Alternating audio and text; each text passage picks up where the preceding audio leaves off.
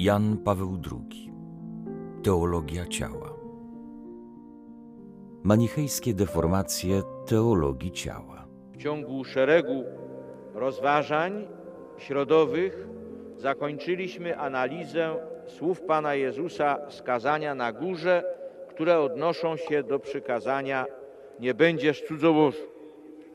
Chrystus mówi, jak wiemy, słyszeliście, że powiedziano nie cudzołóż, a ja wam powiadam, każdy, kto patrzy na kobietę tak, aby jej pożądał, już ją cudzołożył w swoim sercu. Te słowa staraliśmy się zanalizować bardzo szczegółowo. I po tej analizie stawiamy sobie takie pytanie odnośnie serca ludzkiego. Czy to serce przez słowa skazania na górze jest przede wszystkim oskarżone? Czy też jest przede wszystkim wezwane albo, jeżeli ktoś woli, wyzwane? I to jest nowe pytanie, któremu pragniemy poświęcić szereg rozważań kolejnych. A to z uwagi na wielkie znaczenie sprawy, o którą chodzi. To jest znaczenie na tle dziejów każdego człowieka, każdego ludzkiego serca. Ostatecznie każdy człowiek, który bierze, który bierze na serio Ewangelię, musi się zapytać o to, co mi mówią te słowa Chrystusa. Ale także na tle dziejów cywilizacji, kultury, na tle różnych tendencji, które pojawiały się w dziejach ludzkiego etosu, ludzkiej moralności. W związku z tym problemem, z tymi słowami.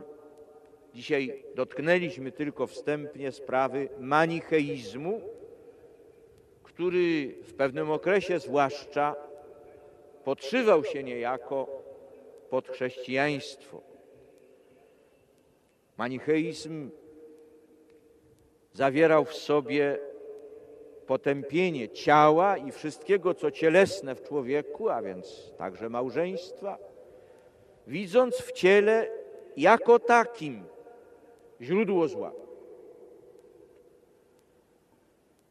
Tylko powiedziałem, zapoczątkowaliśmy tę sprawę, ale nawet zapoczątkowawszy ją, możemy od razu powiedzieć, że słowa Chrystusa na pewno nie mają sensu manichejskiego. Na pewno nie są potępieniem ciała. Są w ogóle zwrócone do serca, to znaczy do ducha ludzkiego. I właśnie to serce, ten wewnętrzny wymiar człowieka jest decydujący. On decyduje o dobru i złu tego, co cielesne.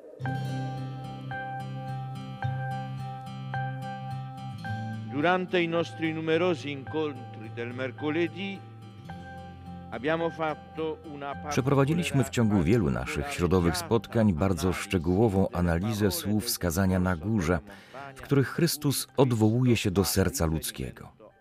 Są to, jak pamiętamy, słowa zobowiązujące.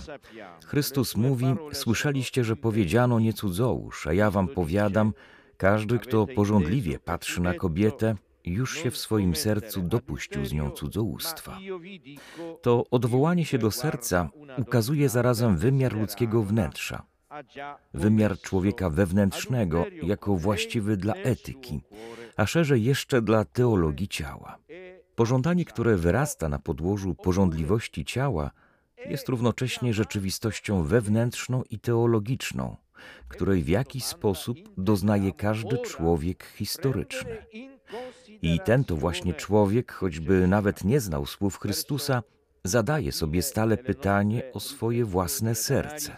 Słowa Chrystusa czynią to pytanie szczególnie wyrazistym: czy serce ludzkie zostało w nich oskarżone, czy też wezwane?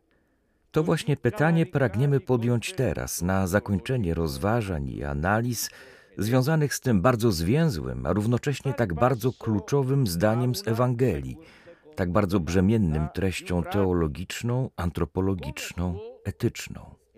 W parze zaś z tym idzie pytanie drugie, bardziej praktyczne. Jak może i jak powinien działać człowiek, który przyjmuje słowa Chrystusa skazania na górze, który akceptuje etos Ewangelii, a w szczególności akceptuje go w tej dziedzinie. Quest'uomo trova nelle considerazioni finora fatte Człowiek taki znajduje w dotychczasowych rozważaniach przynajmniej pośrednią odpowiedź na dwa pytania. Jak może działać, czyli na co liczyć w sobie, niejako u źródeł swoich czynów, aktów wewnętrznych czy zewnętrznych. Z kolei zaś, jak powinien działać, czyli w jaki sposób wartości poznane wedle skali ujawnionej w kazaniu na górze stanowią powinność jego woli i jego serca, powinność chceń i wyborów, w jaki sposób zobowiązują go w działaniu, postępowaniu, skoro jako przyjęte aktem poznawczym zobowiązują go już w myśleniu czy też poniekąd w odczuwaniu. Są to pytania znamienne dla ludzkiej praksis oraz wykazujące organiczny związek tejże praksis z etosem. Żywa moralność jest zawsze etosem ludzkiej praksis. Alle suddette domande si può rispondere in vario modo. Infatti, sia nel passato, sia oggi, Na pytania powyższe można udzielić różnego rodzaju odpowiedzi. Różnego też rodzaju odpowiedzi udzielano w przeszłości oraz udziela się współcześnie. Wskazuje na to rozległa literatura.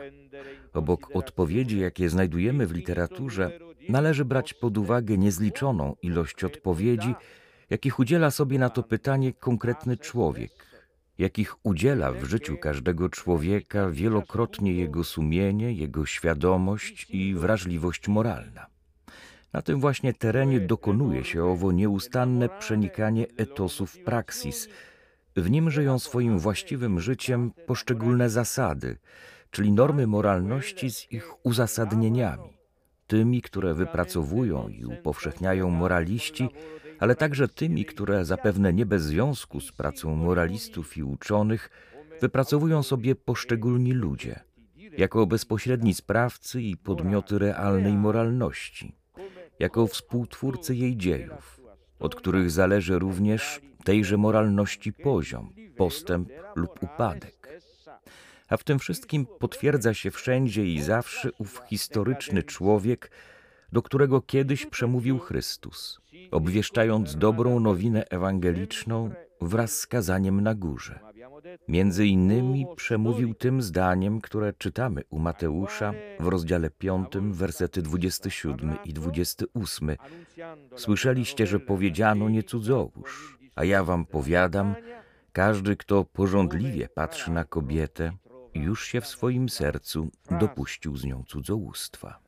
L'enunciato di Matteo si presenta stupendamente conciso W porównaniu ze wszystkim, co na ten temat napisano w całej literaturze świata, wypowiedź Mateusza jest zdumiewająco zwięzła. I może właśnie na tym polega jej siła w dziejach etosu. Trzeba równocześnie zdać sobie sprawę z tego, iż dzieje etosu przebiegają wielorakim łożyskiem, w którym poszczególne nurty bądź przybliżają się do siebie, bądź oddalają wzajemnie. Człowiek historyczny wciąż po swojemu ocenia swoje serce, tak jak sądzi też i swoje ciało. Przesuwa się przy tym od bieguna pesymizmu do bieguna optymizmu, od surowości purytańskiej do współczesnego permisywizmu. Trzeba zdawać sobie z tego sprawę, ażeby etos kazania na górze mógł uzyskiwać zawsze należną przejrzystość w stosunku do działań i zachowań człowieka. W tym też celu należy dokonać niektórych jeszcze analiz. Le nostre riflessioni sul significato delle parole di Cristo non sarebbero complete se non ci soffermassimo, almeno brevemente, Nasze rozważania na temat znaczenia słów Chrystusa według Ewangelii Mateusza, rozdział 5, wersety 27 i 28, nie byłoby kompletne, gdybyśmy nie zatrzymali się bodaj na krótko przy tym, co można by nazwać pogłosem tych słów w dziejach ludzkiego myślenia, wartościowania, w dziejach etosu. Pogłos jest zawsze jakimś przeobrażeniem głosu i słów, tym głosem wypowiedzianych. Wiemy z doświadczenia, że bywa to przeobrażenie pełne tajemniczego uroku. W wypadku, o który tutaj chodzi, dokonało się raczej coś przeciwnego. Raczej bowiem odjęto słowom Chrystusa całą ich prostotę i głębię i nadano sens daleki od tego, który został w nich wyrażony, a nawet ostatecznie z nim sprzeczny. Mamy tutaj na myśli wszystko to, co pojawiło się na marginesie chrześcijaństwa pod nazwą manicheizmu, właśnie gdy chodzi o teologię ciała oraz o etos ciała. Wiadomo, że manicheizm w swojej postaci pierwotnej, zrodzony na wschodzie, poza środowiskiem Biblii, wyprowadzony z dualizmu mazdejskiego, widział źródło zła w materii, w ciele. Głosił więc potępienie wszystkiego, co w człowieku cielesne. Ponieważ zaś człowiek najbardziej cielesnym wydaje się przez swoją płciowość i współżycie małżeńskie, rozciągnięto potępienie na małżeństwo i współżycie, a także na inne dziedziny bytowania i postępowania, w których uwydatnia się cielesność człowieka. Ad un orecchio non adusato, l'evidente severità di quel sistema poteva sembrare in sintonia Oczywista surowość tego systemu mogła dla ucha nie dość wprawnego współbrzmieć surowymi słowami Ewangelii Mateusza, rozdział 5, wersety 29 i 30, gdzie Chrystus mówi o wyłupieniu oka, czy też odcięciu ręki, jeśli są one źródłem zgorszenia.